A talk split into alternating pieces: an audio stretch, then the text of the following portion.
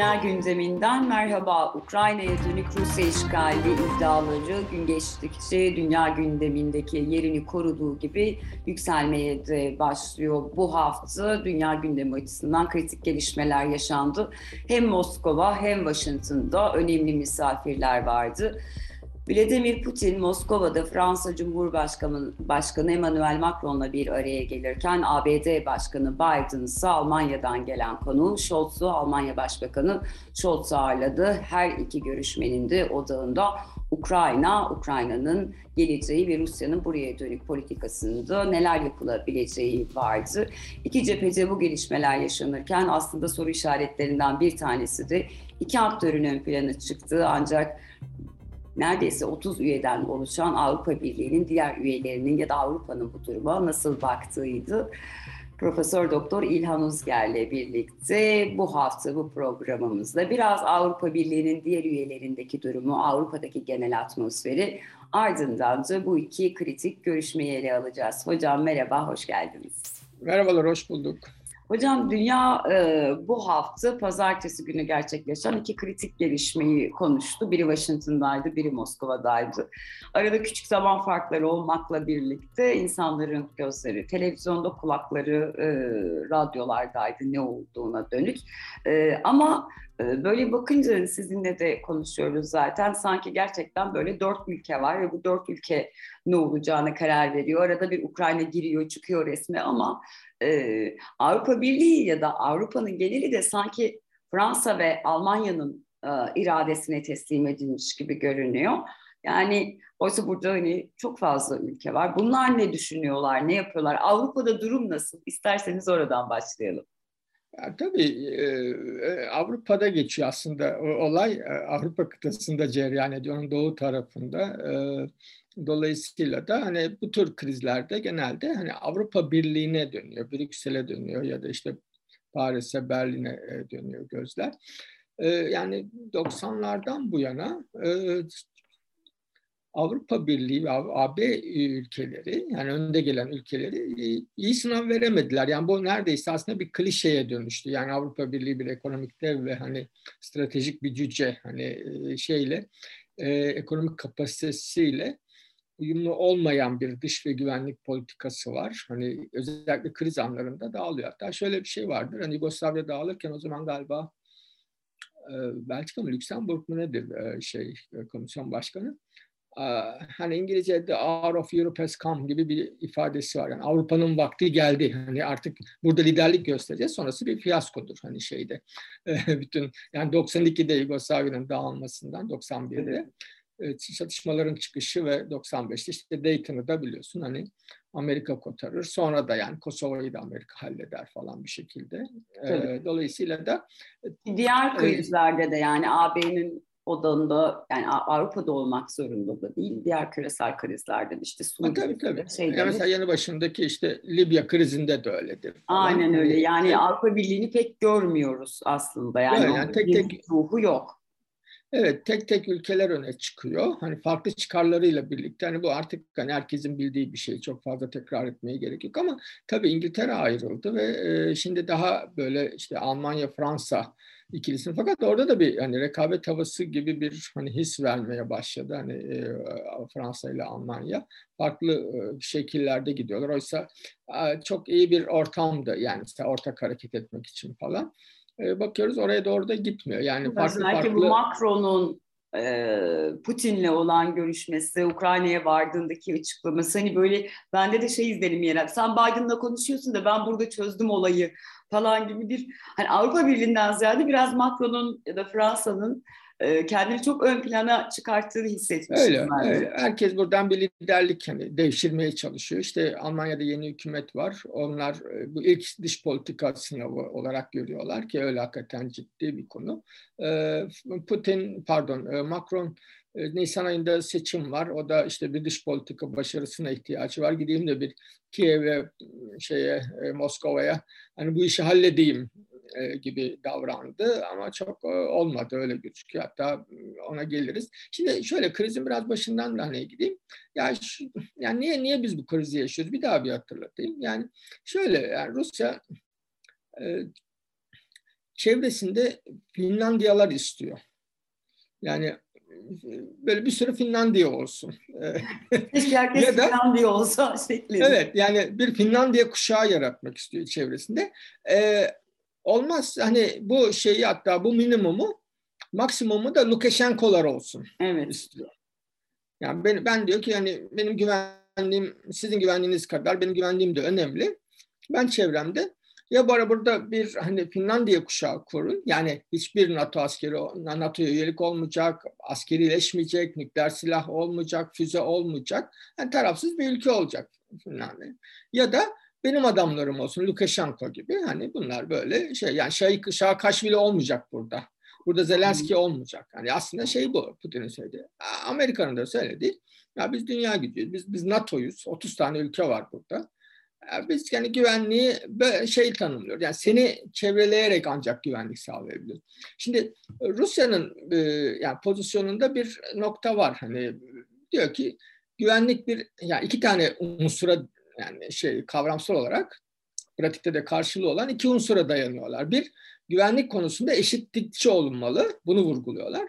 İki, güvenlik bölünemez. Şimdi bunlar hakikaten şey hani sağlam pozisyonlar. Diyor ki hani siz güvenlik meselesine eşit olarak bakmıyorsunuz. Bizim güvenliğimiz hani bizi ilgilendirir. Siz, siz, Hani sen bu senin güvenliğine dokunuyor mu dokunmuyor mu?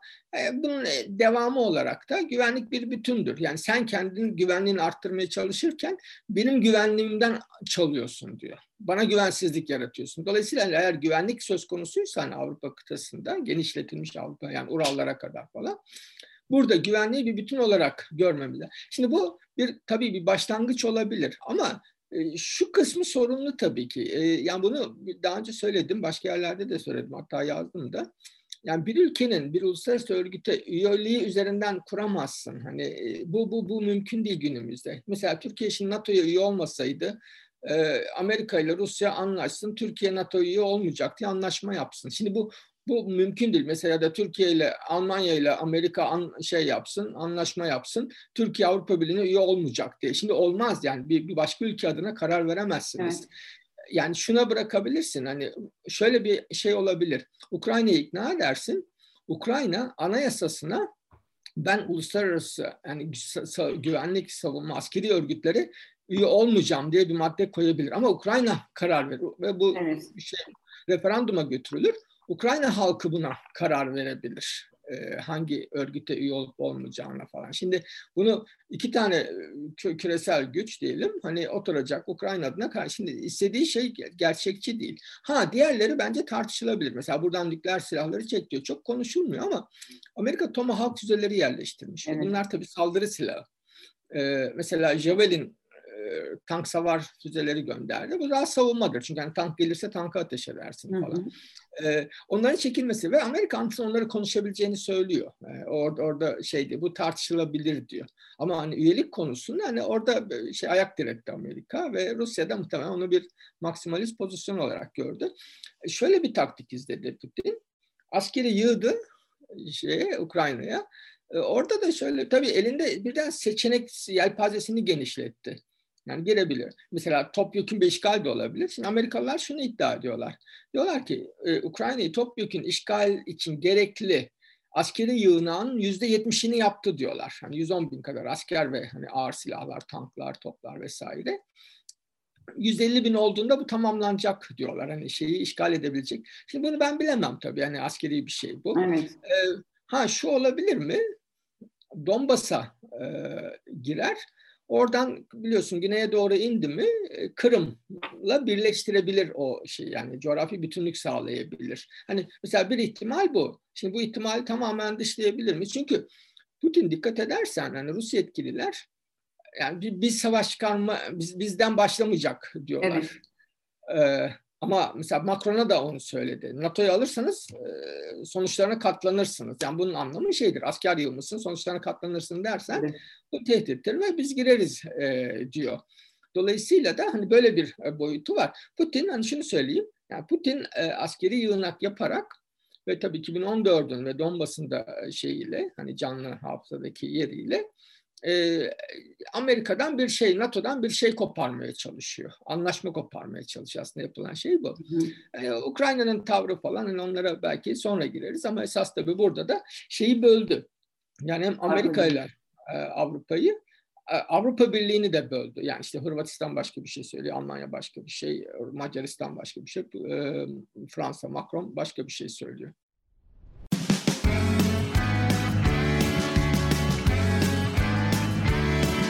Kulağınız bizde olsun. Kısa Dalga Podcast.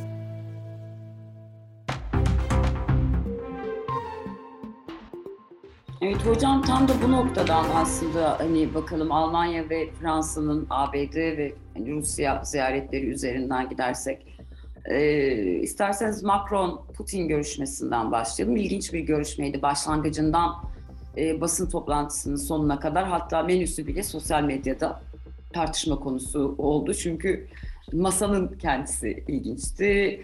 Ee, bir buçuk saat Macron'u beklettiği söyleniyor. Orada yani aslında Putin'in çok da misafirperver e, davranmadığına dönük soru işaretleri vardı. O nedenle e, Rusya Dışişleri Bakanlığı o günkü menüyü paylaşmak zorunda kaldı falan böyle hani o hani aç göndermedik şeklinde.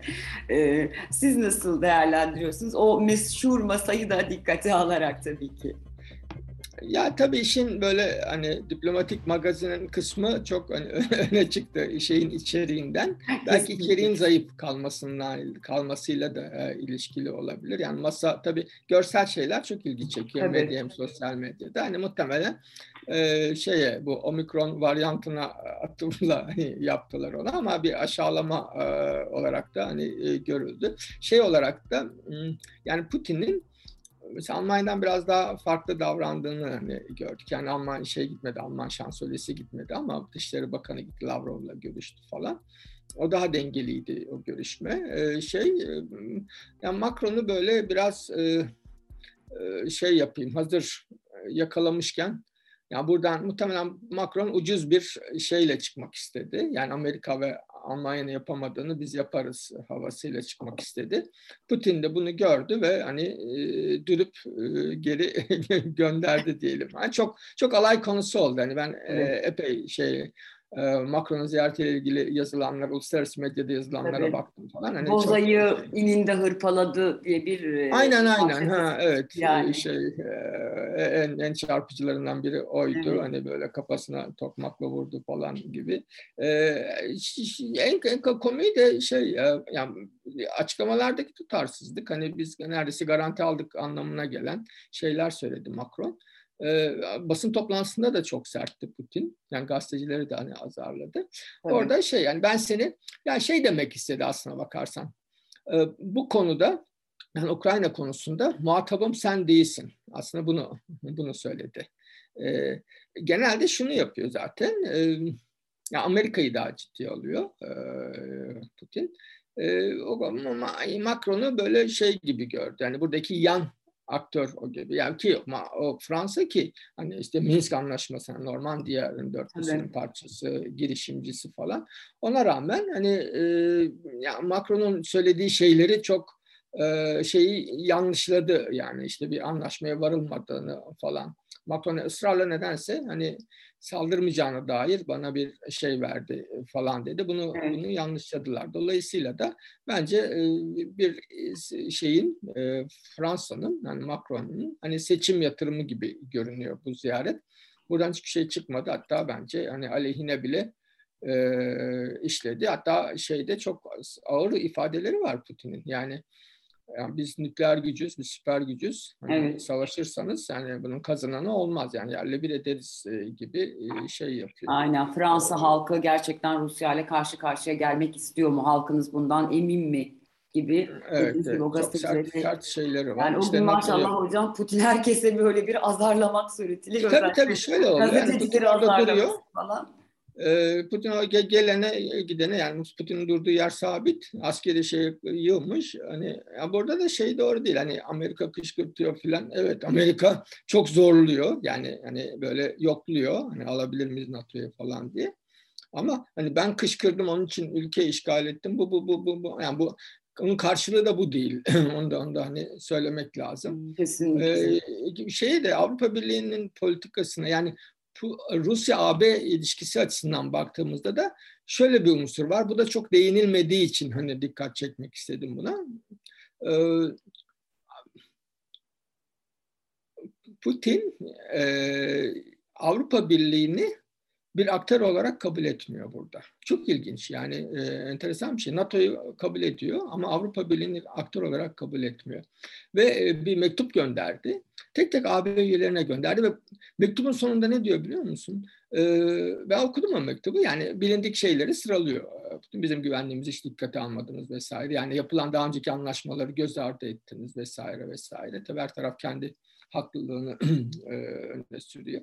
Hani bunda bir şey yok e, diyor ki bize e, şey göndermeyin, ortak mektup göndermeyin diyor. Yani biz tek tek size tek tek gönderiyoruz. Size bize Siz de bize tek tek efendim. Siz de tek tek ülke olarak tek tek bize göndereceksin ve şeyin mektubun son cümlesi bu. Çok ilginç. Yani İnsan diyor ki karşımda... yazar hocam yani Putin'le ayar verip kapatmış. Öpüyorum ne görüşürüz de bir şey de yani. Hani tek tek evet. Şey e, bize şey tek tek gönder. Yani benim karşıma AB bloku olarak çıkmayın diyor. Ben AB'yi şey yapmıyorum. Burada irrelevant Anladım. diyorlar AB içinde. Bir AB benim için bir hani muhatap değildir. Tek tek ve bu da çok akıllıca bir yani bölüyor çünkü. Yani öteki türlü hani AB işte Borel bir tek mesela Borel'le yani güvenlik dış politikadan sorumlu komiserle muhatap olmuyor. Diyor ki ben tek tek AB üyeleriyle e, muhatap olurum. Benim muhatabım sizsiniz. E, dolayısıyla da şey ilginç. Ha bu arada küçük bir yani detay ama önemli. Macron e, Kiev bir Kiev ve Moskova'ya gitti. Biz Erdoğan gibi yapmadı. E, bunu bir daha hatırlatmak lazım. Erdoğan Kiev'e gitti, Putin'i davet etti. Hayır öyle olmaz. Yani şeyde ara bulucu olacaksan böyle bir niyetin varsa ikisine evet. de gideceksin. Mekik diplomasi ee, Macron gideceksin, ikisine de gitti. Alman Dışişleri Bakanı o da ikisine de gitti. Ee, Scholz yani Almanya Başbakanı şansölyesi e, galiba haftaya Evet, haftaya o da Kiev ve Moskova'ya gidecek. Yani bu iş böyle olur. Ha Macron Kiev ve şeye Moskova'ya gitmeden önce Biden'la telefon görüşmesi yaptı. Hı hı. Yani bunu da yani gene o Atlantik bağı da tamamen koparmıyorlar ya da koparamıyorlar dikkat edersen. Evet. Peki yani hocam böyle de bir ayrıntı var.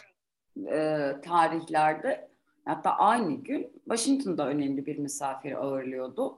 Almanya'nın Çiçeğiburnu'nda başbakanı, şöyle Almanya'nın kendisi zaten gündemde izleyicilerimizi hatırlayacaktık. Bir önceki programımızda biz de Almanya'yı ele almıştık. Ee, Washington'a gitti. Burada e, özellikle basın açıklamalısı yapılırken e, şunu söylemişti e, Biden, uygun adım hareket ediyoruz Almanya ile de diye. Yani o birlikte yani bölünmüşlüğümüz yok gibi bir yanıt veriyorlardı ama Kuzey akıma gelince Biden gazeteciler dediler ki hani böyle bir durum olursa kapanacak mı? Kesinlikle dedi Biden, kesinlikle kapatacağız. Almanya orada biraz yani Scholz e, benzer bir tepki vermedi. Aynı kararlılıkta bir yanıt vermedi. Belirsiz e, bir tutum aldı. E, siz o görüşmeyi nasıl değerlendiriyorsunuz? Sürekli Kuzey yakın gündeme geliyor zaten. Bu, bu durumu nasıl değerlendiriyorsunuz? Şimdi Almanya bu Ukrayna krizinde zayıf halka olarak görülüyor. İşte biliyorsun daha önce konuşmuştuk yatırımları var, enerji açısından hani bir bağımlılığı var. Amerika ben satayım diyor, Katar'ı devreye sokmak istiyor falan ama bunlar uzun hani sen daha iyi bilirsin. Evet. Daha uzun vadeli e, bunlar kısa erimli işler değil. Hani bunlar evet. bütün anlaşmaları yapılacak, hani terminaller kurulacak LNG için falan filan. Hani diğer alıcılardan yani şey yapılacak, e, rızaları alınacak sonuçta işte Güney Kore, Japonya, Çin gibi ülkeleri şu anda Avrupa, ABD satıyor ve onların rıza göstermesi gerekiyor ki buraya aktarabilsin o gazı hıyını. Yani biraz zahmetli bir süreç dediğiniz gibi. Aynen, aynen. Dolayısıyla da şimdi Almanya böyle işte bir askeri açıdan e, sıkıntı çıkardı. Ben silah göndermiyorum dedi. Yani genel iddiası şu iki yüzlü ve doğru değil. Çatışma bölgelerine, kriz bölgelerine silah göndermeli. Mesela ben 90'larda Hırvatları şey silahlandırdı. Alman istihbarat evet. silahları. Bunu herkes bilir hani şeydi biraz Balkanlara çalışan herkes bilir yani falan. Ee, yani bu şeydir işte onu yani yumuşatmak için miğfer gönderdiler işte biliyorsun çok tersi gitti o da ters tepti alay konusu. Tabii canım miğfer ama hocam yani Almanya'da bir tuhaf yani. yani şöyle mi hani e, bir aşama kaydettiklerini düşünüyorlar. Bakın işte hani şey e, Atlantik ve NATO dayanışmasına da çok aykırı hareket etmiyoruz. Miğfer, evet. E, çelik yelek falan gönderin bari bir şey. Değil mi yani miğfer hani kafanıza bomba gelirse hani bakın koruyoruz der gibi yani bilmiyorum. Ee, orada evet, yani, var e, şey konusunda yani enerji alımı konusunda net tavır almadı. Yaptırımlar uyarız ama mesela Kuzey Akım 2'yi biz hani durdururuz demediler ya da bu konuda muğlak burun ucunu, ucu açık bıraktılar. E, ikincisi e, silah göndermiyorlar ve kendi ürettikleri silahların Ukrayna'ya gönderilmesine de izin vermiyorlar. Evet, işte biz bu çatışma bölgelerine silah gönderilme konusunda şeyiz falan. E, fakat şöyle bir denge kurmaya çalışıyor Almanya e, askeri olarak yardım etmedi Ukrayna'ya. E, fakat ekonomik yardım yaptı ve Ukrayna'ya hani dünyada en fazla ekonomik yardım bu kısmını bunu da atlamamak gerekiyor. E, en fazla ekonomik yardım yapan ülke yani 2,5 milyar dolar falan vermiş 2014'ten bu yana en fazla ekonomik yardım yapan ülke. Dolayısıyla onu öyle telafi etmeye çalışıyor. Mesela dünyada da mesela Japonya en çok dış yardım yapan ülkelerden biridir. Çünkü hani bir iş bölümü yani Amerika diyor ki ben senin güvenliğini sağlıyorsam sen de dış yardım yapacaksın falan. Hani dolayısıyla hani Almanya'da kendi rolünü biraz hani buraya doğru kaydırmış. Tamam biz çatışmalara karışmayalım da ekonomik yardım yapalım. Şimdi aynı zamanda bir iki ay sonra gitti Scholz Amerika'ya. Bu biraz eleştirildi. Hani mesafe mi koyuyor acaba falan diye. Orada da tabii sıkıştı. Yani Biden çok sert konuştu. Biliyorsun zaten bu e, şey gerilim Rusya ile e, Amerika arasında yaşanıyor. Evet, aslında çok yani e, Rusya ile Ukrayna, Rusya ile hani Avrupa ülkeleri değil de daha çok Amerika ile Rusya evet. arasında yaşanıyor. Yani Amerika da şeyi yüksek tutuyor. Yani hem o biraz NATO e, kendi etrafında hizalanır diye düşündü bölge ülkeleri. Hesap tutmadı e, büyük bir olasılıkla ve dünya kamuoyunu işte Rusya karşıtlığına doğru çekme, her an işgal edecekmiş e, duygusu yaratarak. Dolayısıyla da bir e, orada zor durumda e, kaldı. Çünkü e, çok üstüne gitti Biden. Yani çok ağır konuştu. Yaptırımlar şey olmayacak dedi. Oysa Almanya o konusunda yani iki, Kuzey Akım 2 olmayacak e, dedi eğer işgal ederse. E, Almanya bu konuda kendini bağlayacak bir açıklamadan kaçınmıştı. Hatta Scholz şey demişti hatırlarsan.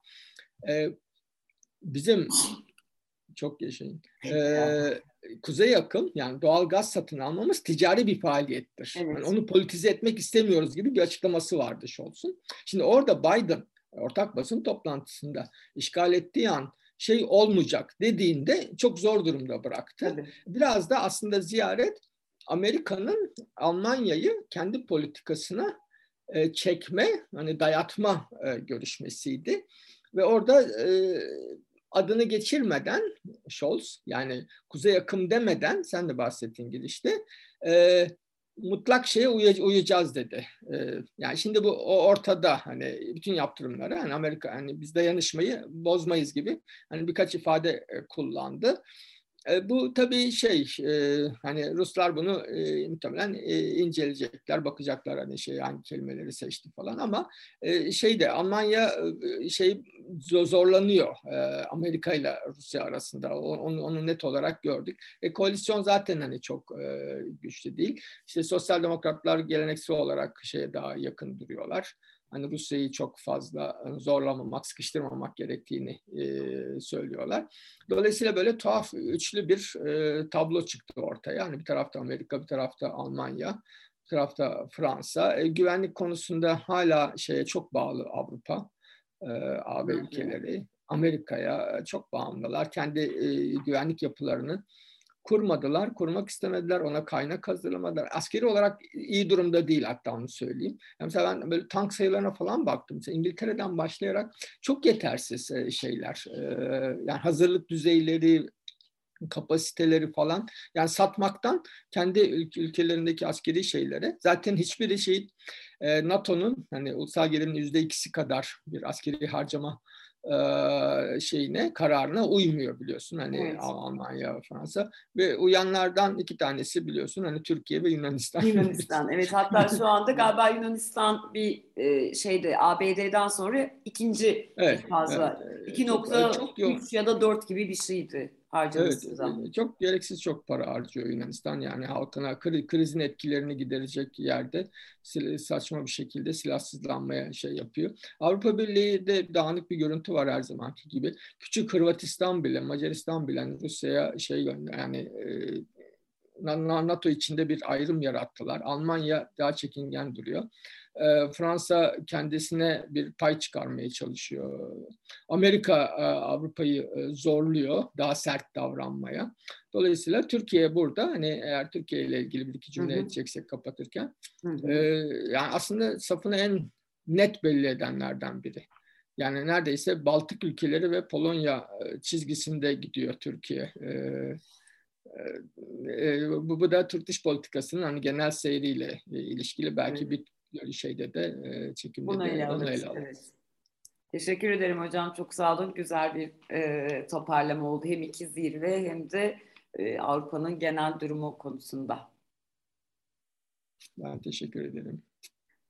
Profesör Doktor İlhan Uzger'le birlikte bu hafta dünya gündeminde gittikçe tırmanan Rusya ile Ukrayna arasındaki gerilimde ABD'nin tutumu, ABD-Avrupa ilişkileri, Avrupa içerisindeki dağınıklık, Avrupa'nın dış politika ve savunma alanındaki geri kalmışlığı ya da yetişemiyor olmasının yaratmış olduğu etkiyi ele almaya çalıştık. Bunu yaparken de aynı zamanda Biden, Scholz ve Putin, Macron görüşmelerine de değindik. Bizi izlediğiniz ve dinlediğiniz için teşekkür ederiz. Hoşçakalın.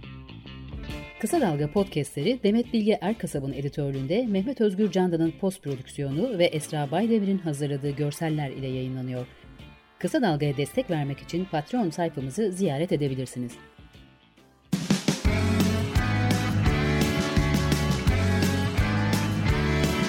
Kulağınız bizde olsun. Kısa Dalga Podcast.